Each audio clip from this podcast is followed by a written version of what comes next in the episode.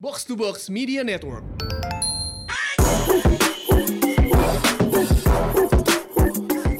What up, what up, what up? You're now listening to the most valuable basketball podcast in Indonesia. We are back and happy because basketball is back and we have lots to talk about. Seperti biasa, dipandu gua Raditya Alif. Em, yang gue senang dengan podcast ini ketika basket sudah kembali adalah semakin rame sehingga jumlah mic-nya sama jumlah orangnya banyak kan jumlah orangnya. We got Gamal in the house. Yo, what up, what up? Ah, long time no see Mutia. What up, what up? What's up, boys? Yo, dan ada Omar. Hey, what is up? Seperti biasa menyempatkan waktu di tengah bekerja, ngurusin kontrak sama klien. And for the first time, Paul is here back to back. No more uh, time No. management. load management. No more load management. I'm back. I'm back. Okay, okay, okay. Oh, This is iya. Bubble Paul. Here. Paul back in the bubble, back in Paul the sebenarnya box. never leave kan karena kita di bubble jadi. That's right. I'm here. Ini seberang tuh di Taipei gue. So so so so. Um, look, it's udah seminggu NBA restart. Uh, lots of talking points, um, lots of fun, lots of action, lots of storylines, banyak pertandingan yang surprisingly atau tidak surprisingly ketat. Kita sebagai fans basket dipuaskan. Um, sebenarnya tema hari ini tuh simple sih sebenarnya. We just start with one question. Apa hal paling mengejutkan buat elu setelah seminggu NBA restart? Gue mau mulai ke Paul. Karena kalau kita berdasarkan pendapat Paul di minggu sebelumnya, I don't think he surprised at all dengan Toronto Raptors. He called it. Nope.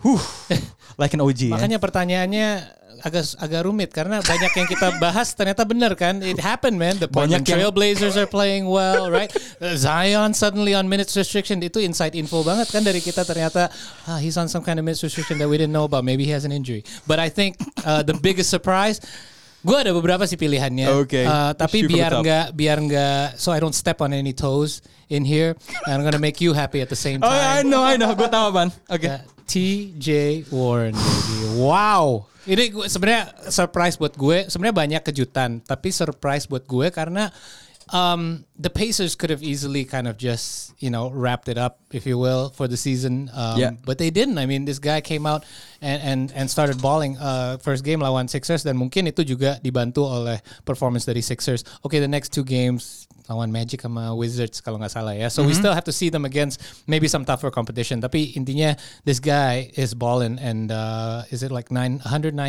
points over three games, which is the highest since Jermaine O'Neal average over three game period. so, Thank you for the history, bro. So there you go, man. Just this one's for you, man. Iya iya iya. I mean look, untuk pertama kali dalam sejarah NBA the highest scoring player di bulan Agustus. Soalnya nggak pernah ada NBA di bulan Agustus sebelumnya, man. Iya, iya. I can't wait to see what happens. Gue sebenarnya kalau ngeliat dia gaya mainnya tuh beda sama. But I am reminded dengan kemunculan seorang uh, Bogi. Um, a few seasons ago setelah Oladipo cedera, eh, actually last season ya setelah Oladipo you know, scoring out of nowhere gitu, pemain yang tidak dikenal arah defense ya, it's just offense, tapi ternyata produksinya luar biasa, Really high, really efficient gitu, Yeah, really yeah, high yeah, yeah. percentage. So yang gue pengen tahu dan gue penasaran adalah how will he deal uh, with the extra attention in the playoffs if he still becomes this surprisingly you, you know what surprising for me uh, gue tuh sebenarnya agak bangsat sih sama TJ Warren karena di gamenya di game buatan Mutia yang akan kita bahas nanti ya Yes. kalau sempet ditanya dream trade NBA lo apa gue iseng pakai trade machine Paul I traded TJ Warren for Zion Williamson. Terus besoknya he drops 53 on the Sixers. Uh, man, so uh, phew. Your Pacers luck, man. Typical Pacers. gua gua nggak bisa memperdebatkan kalau itu adalah hal yang gua paling kaget like guy just drops 53 out of nowhere. To your point, yang gue pengen lihat adalah mungkin pertanding beberapa pertandingan ketika podcast ini naik atau setelahnya, man, karena he's gonna go against the Suns. Which is gonna be like extra motiv- motivating for him juga kan tim Cash dia considerations. juga. Exactly. Jadi mungkin ada sesuatu yang dia ingin buktikan saat itu. But uh, let's see him after the Suns game. And against Miami. yes. Kalau kita ingat di awal Butler musim, juga ya. betul sempat berantem dia sama Jimmy Butler, so it's gonna be his revenge game. Uh, guyonan-guyonan di NBA Twitter udah kayak bikin foto goat gitu, Jordan, Kobe, LeBron, and there's this TJ Transjakarta, Warren. Um, I'm not gonna debate that. I wanna go to the floor, uh, Mutia. Most biggest NBA surprise. Look, surprise itu bebas karena siap bisa terkejut dari mana-mana kan. Alright, kalau buat gue, uh, karena gue cukup uh, fansnya Phoenix Suns ya. Untuk sekarang, walaupun gue tahu the chances are very Slim, slim, ya, ya, ya. For playoffs, but what a clutch play by Devin Booker ya, uh, beberapa hari lalu. Dan uh, he's got fended off by Kawhi and PG. What a non-clutch defense by PG ya. oh iya benar benar benar itu udah udah. That's not a surprise. expected expected. it was pretty expected. So yeah, um, untuk Sun sendiri, I think it's it's pretty monumental because uh, it's long awaited anyway. Um, There have been to um, postseason draft for like a decade now, 2010 Ya, sudah lama, ya, uh, postseason ya, ya, kan. ya. So I, I guess the pressure was there, but uh, obviously uh, kemarin uh, pertandingan itu dan dan uh, melihat permainan Booker pun juga jadi salah Hmm. satu angin segar begitu ya uh, untuk untuk Phoenix Suns sendiri. That's that's pretty surprising. And at that time, I think on the league, uh, correct me if I'm wrong, uh, Suns itu winning streaknya trio ya, yang benar-benar uh, cuma dia satu-satu ya, cuma Belum Suns kalah di satu-satu. bubble ya dia. belum kalah di Yeah. bubble sama sekali. Um, um, obviously they've got uh, upcoming uh, tough competitors, Yeah. um, tough matchups. Uh, but um, at the very least sekarang ya, um, the chances are um, kita coba cek kita. Uh, kalau misalnya bisa.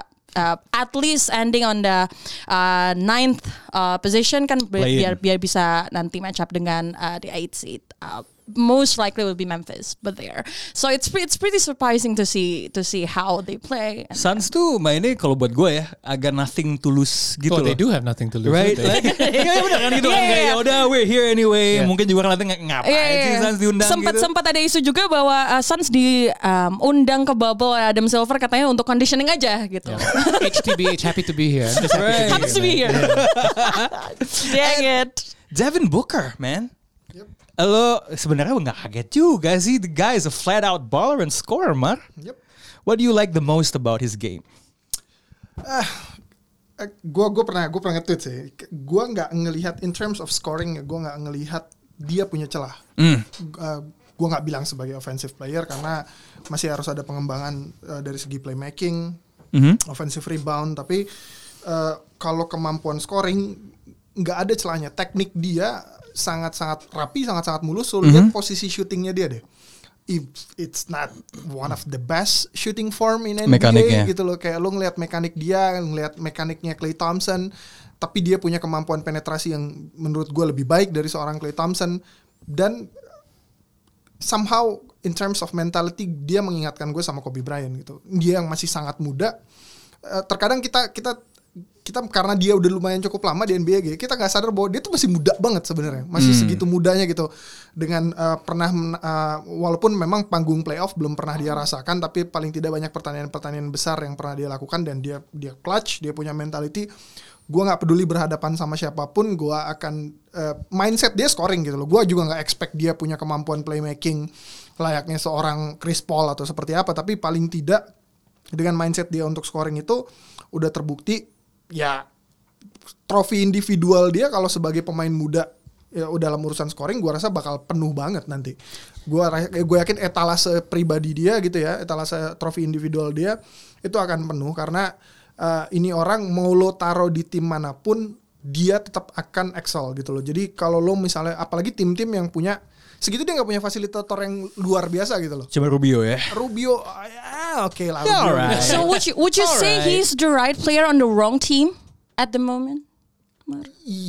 Iya, I can say that. Not, Tapi yeah, not ya, necessarily. Atau because kurang satu he piece ha- team ya menurut he gua. has Yeah. a, he has a, a, place where he can showcase everything. ke, that ke- he- keunggulan he- dia, freedom. keunggulan dia bermain di tim yang eh, ya mediocre seperti itu adalah dia punya dia ya itu tim dia gitu. dia Yes, punya yeah, kesempatan yeah, untuk exactly. ngelakuin apa pun yang dibutuhkan. Makanya tapi gua nggak percaya adalah dia pemain yang cuman bisa bagus di tim yang jelek. Banyak pemain seperti yeah, itu yeah, gitu. setuju, Banyak banget setuju. pemain yang Oh kelihatan bagus banget Oh karena memang timnya segitu bapuknya Tapi coba dia main di tim bagus Gue yakin kalau dia main di tim bagus juga akan tetap bagus Kemampuannya translatable lah ya ke tim lain gitu ya. Iya. Nah, sebelum gue mau nanya lo apa yang paling surprising, gue mau nanya Gamal. Gamal, apa yang paling mengejutkan? Harus putih gue Pressure ya pressure enggak gue gue gue tahu dia mau ngomong apa. So surprise me. Jawaban gue udah jelas lah. Gary Trent Jr. Come on. Jadi pertanyaan episode kemarin, Olimpik, hoodie, skinny, pilih Melo yang mana? Tetap Tetap Olimpik, Olimpik. Melo. Five out of 14. Yep.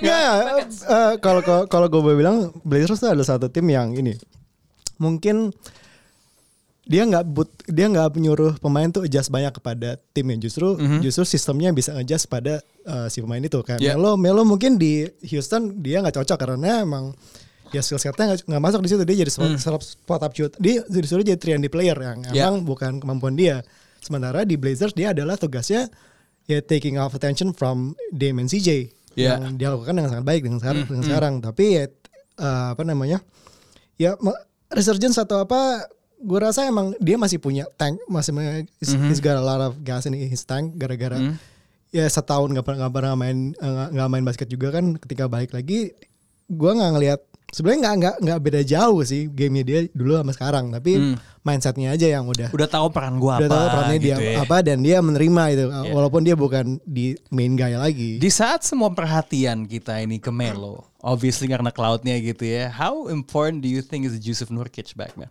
Oh, of course paling penting lah itu.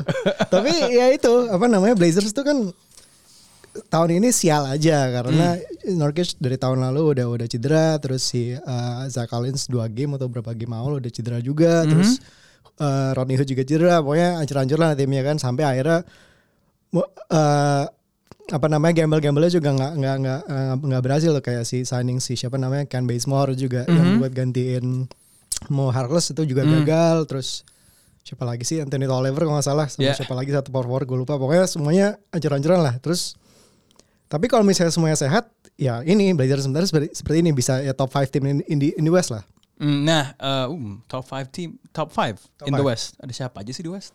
Portland, Lakers, Clippers. Houston. Nuggets Well, between like three Jazz. and seven, it's all pretty close Iya anyway. sih. gitu kan. I like Thunder, though. Yeah, yeah. yeah, because they're doing well. nah, nah, nah, nah, nah. Um, jumping from that point ya, uh, lu ada, do you have another surprise prepare? Kayak, uh, what's the second thing yang paling bikin lo kaget selain TJ Warren? Um, I'm surprised the uh, teams in the East are are just flowing better than the teams in the West. They're when they face each other, they're, Uh-huh. they're they got a better record. Usually it's the the West. I, I believe uh, di pas di bawah 60% winning percentage-nya lawan East uh, di musim ini. Tam- tapi sekarang uh, I believe they're four and two right now. Uh-huh. Uh, they, when they have to face each other, the Eastern teams versus the Western teams. But I think the Spurs surprised the hell out of me. Nah. Karena gue di di box out ini apa di Instagramnya uh, sempat ada um, ada yang komen deh pokoknya. Did you guys read that? If you did not mention that, Paul, that was the question I would I would have thrown to you, man. maaf maaf nih eh, ya, tapi tim gue nggak pernah dibahas. Well to me it's like gini deh jadi fansnya Raptors.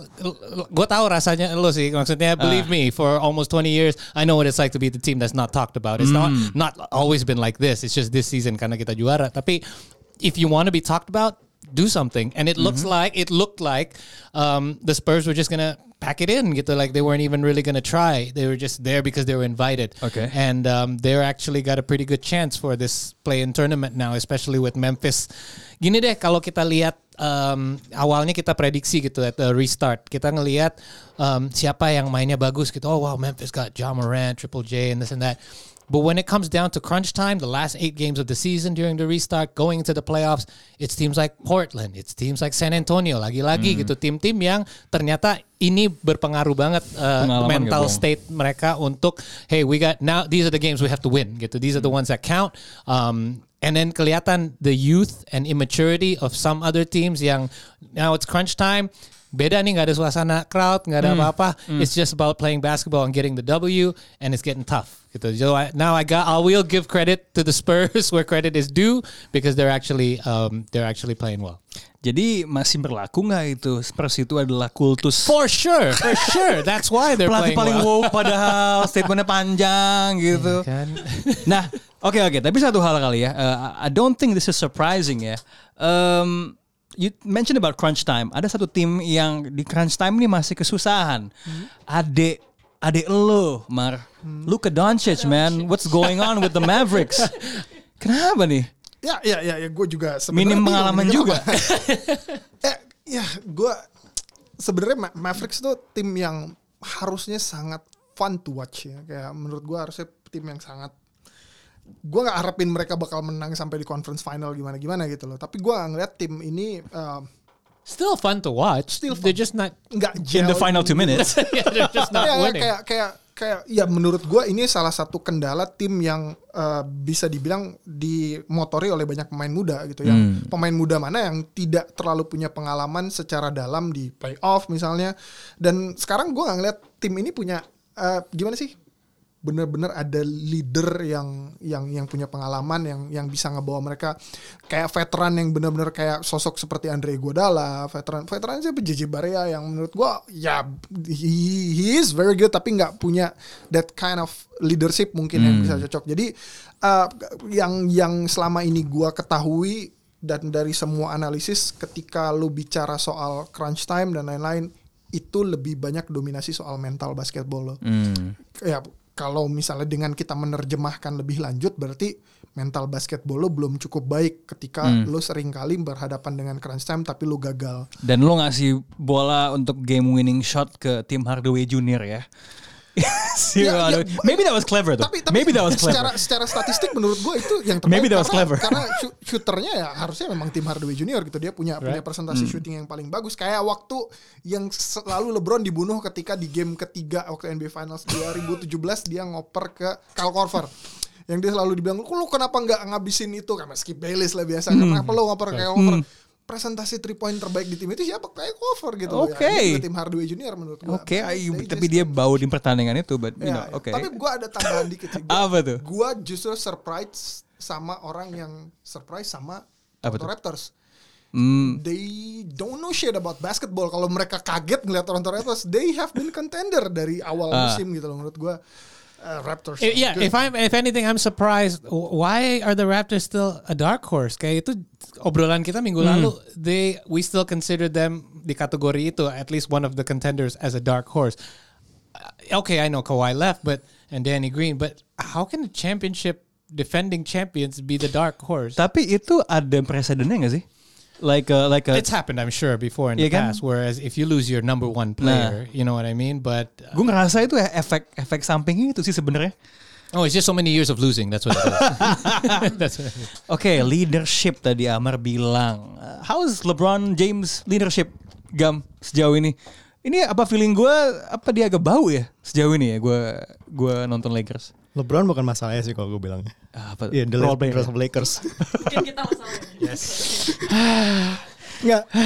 You, you Yeah, cannot, yeah, you, preach, you, you Yeah, cannot, you yeah, cannot yeah. put the blame on LeBron setelah, Yeah, setelah dia yeah, effortnya yeah. seperti itu. That ya, was a ya. clickbait question, come on lah. Tapi gue mungkin mau nambahin tentang Luka tadi. Gue sempat baca artikelnya di The Athletic.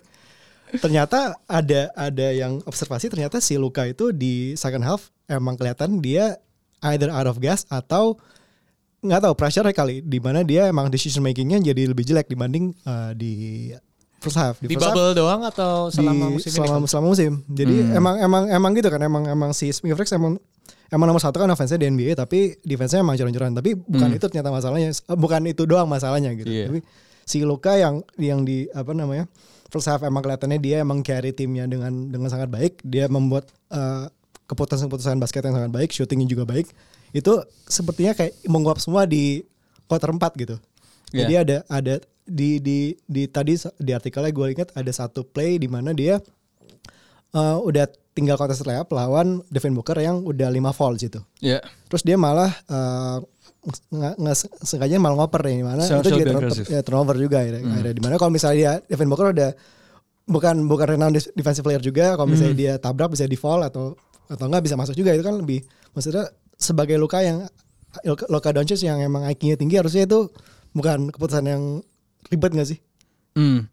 Dan you know that's the funny thing ya. Luka Doncic tuh emang muda banget ya. Maksudnya you would on one hand you would expect pemain what, yang 19, semuda 20? right 20 kan but on the other hand dia selalu datang dengan pretext udah done that been there in the biggest stage di Eropa. Dan kebetulan musim lalu tuh banyak momen clutch gitu loh. So you're you're, you're kind of surprised but not surprised in a way gitu loh. Mungkin pada akhirnya semua itu akan even out sih. Mungkin pada akhirnya apa yang terjadi dengan Luka sekarang ketika dia sudah when everything is said and done akan menjadi outlier sih. Kalau gua sih menduganya gitu sih soal Luka. gitu. And remember, like whenever there's something new and flashy and shiny di NBA, it's gonna Mm-hmm. take periode sekitar satu musim untuk pemain-pemain, especially defenses untuk adjust Right. pemain tersebut gitu. Yeah, dan, yeah. dan coaches akan mulai game plan. He's getting them. found out. It's gonna it's gonna take a little while, but there's a process gitu biasa. Iya, iya, iya, iya. Um, Mutia, eh, lu nggak ada di sini minggu lalu. Gua memberikan kesempatan bagi lo untuk lu mau nggak jadi satu-satunya eh, pembela small ball Rockets? Eh, setelah mengalahkan eh, Milwaukee sama siapa sih? Kalah sama Portland sih. Ya di anjing-anjingan sama Nurkic sama Whiteside a little bit. Um, dan eh, what was the team yang dikalahin sama Rockets sebelum sebelum Bucks ya? Uh, Dallas, Dallas, Mavericks, Mavericks, Mavericks. Are you ready to join the small ball gang? Oke, um, talk about Rockets. Kalau gue lihat sih, um, gue jujur memang uh, perhatiinnya untuk uh, full game gue nonton di di di awal-awal ya, di start season awal itu kan weekend ya, lagi punya banyak waktu gitu untuk Yeah. nonton Rockets. Dan yang gue lihat sih it works. Uh, small ball Rockets, as you can see, um, perpaduan antara uh, Harden dengan Westbrook it's it's kind of like um apa puzzle yang ketemu gitu satu sama lain gitu kan mereka sama-sama uh, end up with with big points juga Yeah. dan sebagainya dan uh, yang gue lihat sih uh, memang untuk untuk saat ini uh, Rockets juga menjadi salah satu kontender yang uh, diwaspadain juga untuk untuk di conference. Gue gue boleh nambah ini sebagai gue sempat uh, kepikiran ini sebagai salah satu contender untuk big surprise juga. Di mana defense-nya Harden down in the post itu Luar biasa. Not, not bad at all. Like you know what I mean? Not in bad. fact itu bukan mereka tidak berusaha untuk menghindarkan itu bahkan Betul. they're, they're actually they don't they're inviting teams to post Yeah, up. yeah. You still what they want to avoid is too much passing where they have to try to keep up with all the ball movement di mana bisa ada overplay di salah satu passing and that's where they get an open shot. You still, Yeah. they want you to post up they're going to foul a lot which happened to Harden I think dia dapat five fouls in like three quarters something like early in the third. Yes. Yeah. But it's still a gamble that so far it's working and I'm surprised that that's the plan. Situasi post up itu jadi seolah-olah itu bukan bad shot. I mean, gue lihat sih statsnya eh, lawan-lawannya Rockets itu ngeanjing-anjingin mereka in the paint gitu. Tapi at least ketika gue belum nge- ngecek statsnya kalau dalam situasi post ya, but at least siapa pun yang dijaga sama Harden and PJ Tucker look like they are having a hard time. Having a hard time Pun shoot, intended yep. gitu loh kayak Porzingis ba- jelek banget man ketika post up dijaga Tapi sama nggak Harden. bisa disalahin karena kalau kalau melawan Rockets, when you gonna see the small lineup, you just want to eat inside. Gitu Bener, kan. Pancingan. right? Jebakan exactly, tikus itu, Exactly. iya. And I think the Rockets have thought one step ahead and said, Uh-huh. this is what the teams are gonna do against us. Jadi they have kind of prepared for that so far. Ya. It was really fun actually for me pertandingan di mana mereka menang lawan Milwaukee Bucks karena lu kayak ngelihat di luar narasi soal itu dua satu lock for MVP dan satu orang yang pingin banget jadi eh, MVP lagi lu kayak ngelihat dua sistem ketemu dan dua-duanya tuh mem- memberikan keunggulan maksimum bagi yang lain gitu loh. Rockets are so small, ketemu tim yang gede, dianjing-anjingin di paint. Tapi on the other hand, Bucks itu nge-concede three point tuh banyak banget gitu loh. So it's like seeing dua tim punya keunggulan, keunggulan siapa yang bakal lebih top, lebih ya. bicara gitu loh. Yeah. It's it's it's it's so weird going out on top. I'm gonna change the subject dari kejutan to disappointment. Who is the biggest, the most disappointing thing, uh, team or player atau situation whatever di NBA bubble? Uh, I have to mention adik gue satu lagi, um, Ben Simmons and the Philly. Will it ever work? I don't know, man. Give it time, man. Yeah, yeah. Uh, three Wak- three years. I, I know, I know. Waktu di awal musim ini kan kita sempat sempat sempat tag pot kita That's bahas. right. Dan gua gua udah cukup udah cukup apatis sama mereka. Gue bilang bahwa mereka nggak deep sama sekali, punya benchnya juga nggak terlalu bagus gitu. Tapi somehow lo expect tim yang panjang dan besar ini yang punya talenta gue tuh berharap banget ini tim tuh jadi one of the best defending team gitu loh. Lu lu harus berharap banget bahwa mereka punya defensif yang bagus itu. Ben Simmons menurut gue salah satu defender terbaik di NBA. Dia bisa jaga posisi 1 sampai 5 dengan sangat baik, steal boleh bagus, dia bisa menempatkan posisi kalau lagi defense sangat baik. Eh, lu lu punya apa? Lu punya seorang Joel Embiid yang seharusnya menjadi rim protector yang sangat bagus. Lu punya Al Horford, lu punya eh, Harris lu nggak bisa terlalu harapin dari segi defense-nya gitu loh. Tapi paling nggak lu lu bisa ngeliat tim ini punya potensi menjadi tim yang sangat bagus soal defense. Tapi ternyata itu aja nggak ngejel gitu loh. Eh, jadinya ini tim yang menurut gua benar-benar tim salah satu tim paling berbakat yang benar-benar nggak punya identitas. Gua nggak gua nggak ada kayak lu bisa ngomong small ball rockets, lo bisa ngomong uh, three ball-nya uh, misalnya lo mau bilang uh, three ball rockets juga lo mau bilang uh, Bucks mainnya begini, lo mau bilang Lakers main begitu, tapi Philly tuh nggak punya identitas gitu. Lo nggak tahu dia Lo tim nggak- apa. Nggak tahu dis- yang distintif dari dia tuh apa gitu loh, gaya permainannya seperti apa. Uh, luckily kemarin si Milton ya, Shake Milton ya. uh, Shake Milton itu uh, ngasih buzzer beater. Kalau nggak menurut gua mereka berpotensi buat kalah lagi. Jadi tim yang harusnya di East gua nggak berharap jadi juara tapi paling tidak sebagai fans yang pragmatis tadi gua bilang gua berharap disajikan sama tontonan yang sengit. Kalau bisa kalau bisa semua playoff tuh game 7 gitu loh berharapan gua karena gua akan disajikan dengan makin banyak tontonan dan makin intens. Apa itu social distancing? Jadi ya buat gua buat gua buat gua Philly karena uh, ya ya. seeing the potential gitu aja. What's wrong with Al Horford? Like what's happened to him, man? kalau menurut gue ya Al Horford tuh meskipun dia initially main di empat tapi di lima dia waktu di Boston tuh udah terlalu bagus. Dan ketika lo paksa dia main di empat lagi karena ada Joel Embiid di tengah jadi dia nggak bisa anchoring the paint area menurut gue itu menjadi jelek. Karena ketika dia di Boston dia bisa menciptakan dia bisa dia bisa stretch the floor dia bisa menciptakan situasi yang cukup nyaman bagi seorang Jason Tatum dan Jalen Brown untuk penetrate karena nggak ada anchor gitu loh di tengahnya karena Tapi dia bisa kan narik. itu logikanya. Di justru ada dengan ada Al Horford yang nggak harus parkir di paint area, justru cocok mainnya. Mungkin seharusnya. dia nggak punya pasangan pick and pop yang bagus, man. Itu sih dugaan gue. Iya iya iya satu dia nggak punya kayak semacam Ben Simmons bukan pemain pick and roll. Ben Simmons ya tabrak aja udah penetrasi gitu Gasak aja gitu rusuk. loh. Nah, makanya menurut gua Iya ya. menurut gua sayang banget tim ini eh, harusnya sangat potensial. Uh, Gam, do you have another disappointment? Atau You- Probably Clippers. Gue nggak, gue agak eh, kaget ngelihat dia tim ini yang yang yang harusnya yang diharapkan dan Ah. on paper adalah tim yang sangat bagus, yang contender yang di dijagokan banyak orang untuk jadi juara, tapi lumayan rekornya tiga kali main dua kali kalah kan?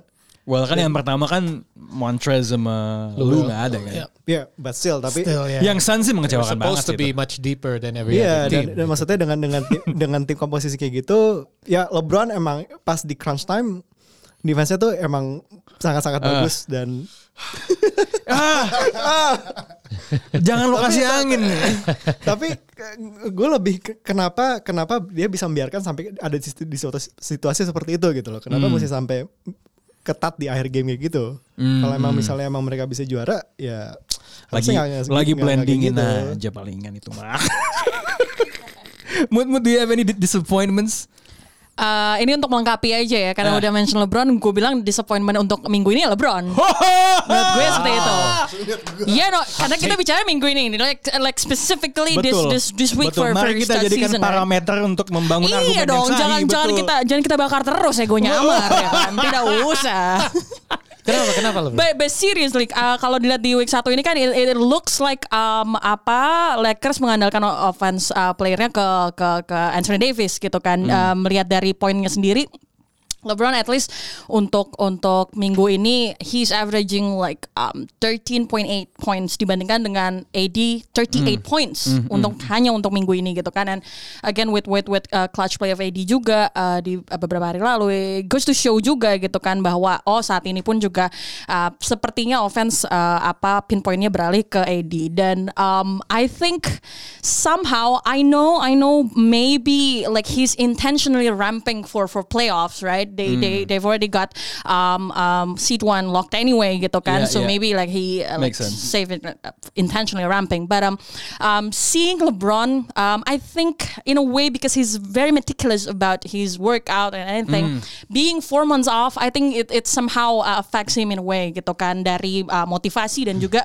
dari fisik juga gitu kan um, um he's also say kalau kita bilang offense kalau uh, role playersnya lagi nggak ada yang bisa shooting, he's the one that's going to uh, go drive gitu kan ke ke dan um, untuk umur dia saat ini gue rasa dengan ibarat kata ini kan kita jump start lagi ke ke restart, so I think he needs um, adjustment that's all. But um, uh, untuk minggu ini ya memang he's a bit of a disappointment, sort of. Shootingnya lebih bau dari yang gua kira sih. Tapi on the flip side, um, on that game one kan sebenarnya ketika dia ketemu Clippers tuh banyak kesimpulan yang bisa diambil kan.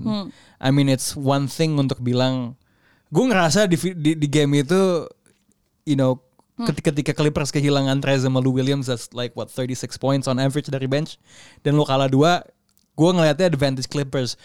But you can also make the case kalau itu menang tapi LeBron mainnya jelek banget man. Yep. Are you gonna go to me next? Ya, gue gue gue gue gue. Thank you Mutia for mentioning um, LeBron because gua akan balas dengan biggest disappointment gua adalah Anthony Davis justru. Oh really? Okay. oh yeah, I, I am because um, a lot of people will just blame it on LeBron.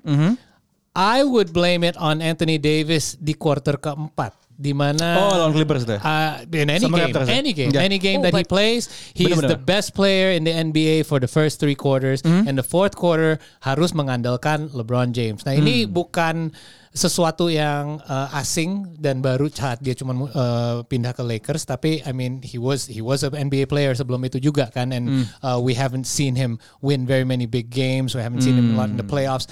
Um, my my opinion is that LeBron gini deh pas lawan Raptors deh uh, okay you won against the Clippers you lost against the Raptors the Raptors just have really good defense and they locked down on Anthony Davis from Mm-hmm. Yeah. the start Agree. it created a gap di skornya di mana susah untuk uh, Lakers kejar. Mm. If this is a trend yang Lakers akan menggunakan uh, selalu, ini akan jadi sulit. Ko- My worry, kekhawatiran gue itu bukan uh, bukan terhadap LeBron bisa produce nggak di fourth quarter, tapi justru lebih ke Anthony Davis. Because what if defensive teams kayak Toronto Raptors ini akan menghentikan uh, LeBron James di quarter keempat. Oke, I know LeBron is the Raptors killer, but you never know kalau mereka ketemu di final. but uh, my worry is that Anthony Davis just does not rise to the moment when it counts. I believe he has single digit field goals in the fourth quarter um, in this whole in the entire bubble. I mean, ini ini dari di mana dia udah bisa sangat produktif di tiga quarter sebelumnya. Jadi to me it's just I know he's been playing really well. He's been balling out. It's uh, pretty unstoppable except against the Raptors. Tapi he really has to do something about that crunch time. Tapi kenapa ya? 12 Kalau kalau gue nonton pertandingannya Anthony Davis, I get the impression man di awal-awal tuh dia tuh di foul banyak banget man. What else are you gonna do? Iya kan? He's unstoppable, man. So Like, why yeah. not still be aggressive in the fourth quarter My kan? point, that's it. Apalagi ketika you have LeBron who's going to penetrate and, and create apa namanya uh, space for you going forward. Like we know LeBron is gonna take his foot off the gas, especially kalau setelah mereka udah clinch. Jelas tadi oh, waktu lawan OKC aja kelihatan kayak okay they he tried in the first half, Yeah. tapi they pretty much you know wrapped it up eh, after halftime gitu. Dan dan yang ngapain juga uh, he saves his he saves his energy. I think buat LeBron just to counter your point uh, itu dia Russ versus Russ kita sempat bahas ini minggu lalu. Yeah. For someone like LeBron, it's hard to say karena tergantung siapa yang lagi kita bahas. Tapi I think in the case of LeBron, it's quite obvious rest is very advantageous untuk seseorang kayak dia karena umurnya, karena dia udah membuktikan bahwa he takes plays off in order to go all out on the plays that matter, like against the Clippers gitu. Maybe he doesn't go all out defensively, tapi saat dia harus jaga Kawhi sama PG, he'll he'll step it up gitu. Dan mungkin emang gasnya emang terbatas yang ada di tangkinya juga. Nah ini uh, yang yang kita harus expect for the Lakers for the remainder of the bubble game sampai kita masuk playoff. Itu Toronto pinter banget man. Itu LeBron satu pertandingan digas terus sama OG dari awal liat gak sih lo? dari awal di, di, di pick up like dari dari depan gila. Nah, buat gue Raptors adalah tim paling pintar di NBA. Eh, Nick Nurse adalah nah, tim paling pintar. snub, snub or not? Oh, I think Coach of the Oh, year. oh, wait, Oh, wait. itu kan belum, itu kan belum bahas coach of the year. Itu No, coach no, justru itu ESPN kan. Justru itu, I, I think there's a conspiracy. I think this thing ya about coaches. justru gue ESPN ini consolation prize aja. Eh, I think the coaches have a conspiracy. They just don't like certain people. There's a circle. Tahu nggak ada cli- very very clicky. don't go jerings on me bro. mereka, mereka punya WhatsApp grup yang gak ada Nick Nurse. Nah, itu dia. Brad. Stevens, Nick Nurse itu semua nggak ada di Iya, WA iya. group mereka. Tapi tadi kalau gue gua tambah dikit soal oke. diskusi, gue setuju sama Mutia, gue juga setuju sama Uh. Paul. Gue juga disappointed sama Uh. LeBron James. Uh, gue tapi lebih disappointed lagi sama lack of creativity in terms of uh, how they run their offense gitu. Uh. Menurut gue Lakers itu tim yang nggak kreatif banget offense-nya. Uh-huh. Lu ngeliat sesuatu yang menjemukan banget gak sih? Pattern yang sama diulang-ulang, Mhm. pattern yang sama diulang-ulang. Jadi kayak lu nggak lu nggak ngeliat adanya ball movement yang layaknya dilakukan sama Rockets atau Ya. sama Raptors gitu yang menurut gua sangat asik untuk dilakukan eh, untuk ditonton. Eh, dan yang yang buat gua kecewa dari se- seorang LeBron James di satu sisi kecewa di sisi lain gua berusaha untuk ah, ya oke gue bisa accept itu. Di, ken- kenapa gua kecewa karena gue tahu dia nggak nggak nggak nggak nggak turn on the switch gitu. Gue gua tahu dia belum kayak karena kan itu bisa kelihatan dari agresivitas dia dan gue nggak percaya dia gas juga itu kelihatan dia masih bisa No, gitu loh he's untuk fine. Ah, he- he's fine gitu. Jadi kalau misalnya kayak ngeliat di game pertama waktu lawan lawan uh, Clippers ada determinasi dari seorang LeBron. Tapi ngeliat game-game berikutnya ah mungkin dia ngerasa kayak the first season tapi seba- iya maksud gue di satu sisi gue sebagai penonton gue pengen liatnya LeBron itu optimal terus gitu loh kayak Hmm. I wanna see the, he- my idol gitu menjadi orang yang sangat optimal gitu kan kayak, if you will. kayak, kayak, oke Kayak nah, sayang, tapi- we know like you know you can do better. We know you can do better. Iya, Why iya. aren't you doing better? Nah, tapi on, di, man. di satu sisi or, pemain yang seharusnya nggak belum layak untuk bilang bahwa ah gue kadang-kadang mau agak uh, turn it slow dulu kayak Anthony Davis yang tadi dibilang Paul Uh, lack of agresivitas gitu loh kayak Iya, iya. lu lu lu seharusnya lu tuh bisa bikin lu bisa bikin 2 sampai tiga pemain fall out di ku- empat quarter Eh, gitu. eh, eh, eh, gue mau nanya deh, kalau kalau menurut lo ya, LeBron itu pemain yang paling ngefur sepanjang zaman gak sih kalau lagi main? Menurut gue ya. Oh yeah, big time man. That's the right word. I never thought of the Ngefur, word. That's it. Gua Gila banget ya. sih. Ya kan? He, he admitted it kan. Dia bilang emang di final gue selalu for dulu. Awalnya gue pengen lihat Ya, defensive scheme-nya gimana. kita- Itu kalau bukan for apa? kita kita kan pernah waktu itu kalau nggak salah sebelum game uh, game satu waktu final 2018 yang waktu LeBron uh, sempat 51 poin itu Correct. kan waktu itu kan kita sempat diskusi bahwa gue bilang game satu LeBron bakal jelek mainnya Correct. karena dia observe dia bakal iya, observasi iya, iya. dulu permainannya seperti apa game-game berikutnya baru tapi ternyata dari game satu dia udah ngegas gitu loh Itu adalah game that. yang mungkin bagi LeBron adalah epitome usaha yang sia-sia ya. Iya, terima kasih Smith. sesekalinya sesekalinya dia ngegas gila-gilaan bahkan Bill Simmons di podcastnya bilang kan pertama kalinya gue liat wah anjing LeBron wanted to kill adalah di di game satu Ya itu NBA itu, Finals itu kan win. narasi juga yang yang ketika kita ketika kita bawa ini ke arah perdebatan soal siapa the greatest of all time, narasi bahwa Jordan itu akan all out di setiap game. Dia nggak akan berpikir bahwa eh maybe gua akan rest sedikit, gua akan ngefur atau gimana. Eh, narasi itu yang sering kali dibawa meskipun gua nggak bilang itu gue setuju atau enggak, cuman I thought of that too. Tapi Jordan wasn't at this stage of his career at this age. Jadi you have to Benar. wonder, would he be saving his tires juga nggak kalau dia sekarang ada chance untuk juara lagi? Bukan di Wizards ya, kalau dia Bulls that Bulls team stay together, would he be taking some games off? You know, it wasn't the thing back then in the in the 90s or in the early 2000s. But would he make maybe taking some plays off kalau dia udah main into his mid 30s and up gitu? Who knows? We don't know. Well, I actually think he would because if he's a serial winner that's a decision you make to win the prize Ya, ya sebenarnya masalah umur Jordan juga ketika di Bulls Wizards di ya, era terakhir juga udah tua. Cuman memang seasonnya tidak sepanjang LeBron Yes. karena LeBron bermain dengan usia lebih muda He didn't take that one and a half seasons dan off. dia juga. juga nggak, iya nggak take.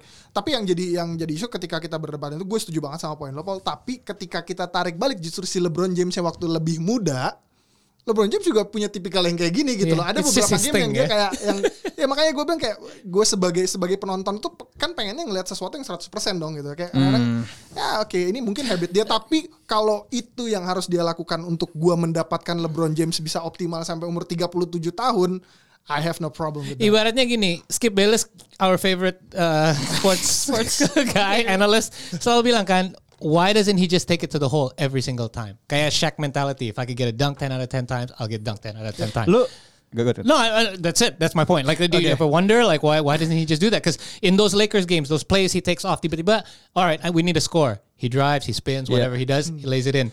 Ini pikir it was, it was that easy ya buat dia Ah, untuk score gitu. Why don't you just do it like five more times? You guys have the lead gitu kan? Iya, kar- karena gue mereplikasi itu ketika kejadian di 2007 dia ketemu Detroit Pistons waktu di Eastern Conference Final. Itu kan dia penetrasi Yes. mulu nggak hadapin tim Yes. yang defense-nya sangat bagus tapi tetap bisa ngasilin poin gitu loh. Yeah. 25 apa 28 poin. gue 24 takut poin. banget nih habis selesai ini boxer bakal dibilang podcast LeBron ya nggak nggak nggak nggak nggak nggak Airtime-nya sorry, cuma sorry. Iya, iya, menit gila. ya, Gara-gara? Mutia sih tadi. LeBron. itu kan Gara-gara trigger trigger Gara-gara Mutia, bukan gara-gara gue. but but you know what I think. I think it's two things satu hal ya LeBron itu kan gue pun juga ngomongin LeBron sangat uh, komplit banget sometimes ketika lo punya banyak banget senjata lo bingung memilih senjata yang mana itu satu dua ya I think it's fascinating lo ngomongin soal Skip Bayless ya. Skip Bayless ini menurut gue sudah level kengacauannya itu kayak media yang ketipu sama pranknya Ibu Siska, terus bilang dengan headline clickbait kalau Ibu Siska itu sebelum gantung panci dia pernah main adegan panas. That's the same level of keanehan ketika Skip Bayless ngomongin kalau LeBron James bakal kalah main tinju lawan lawan Mike Tyson, gak lo? Gue tuh kayak to what extent Skip Bayless itu ya if you ask him, you point a gun to his head, lo tuh kaya tuh karena siapa sih? Eh, Sudah pasti LeBron James lah. Ka- kalau makanya menurut gua menurut gua box out adalah suatu segmen acara olahraga yang jauh lebih bermartabat dibanding acara Skip Bayless.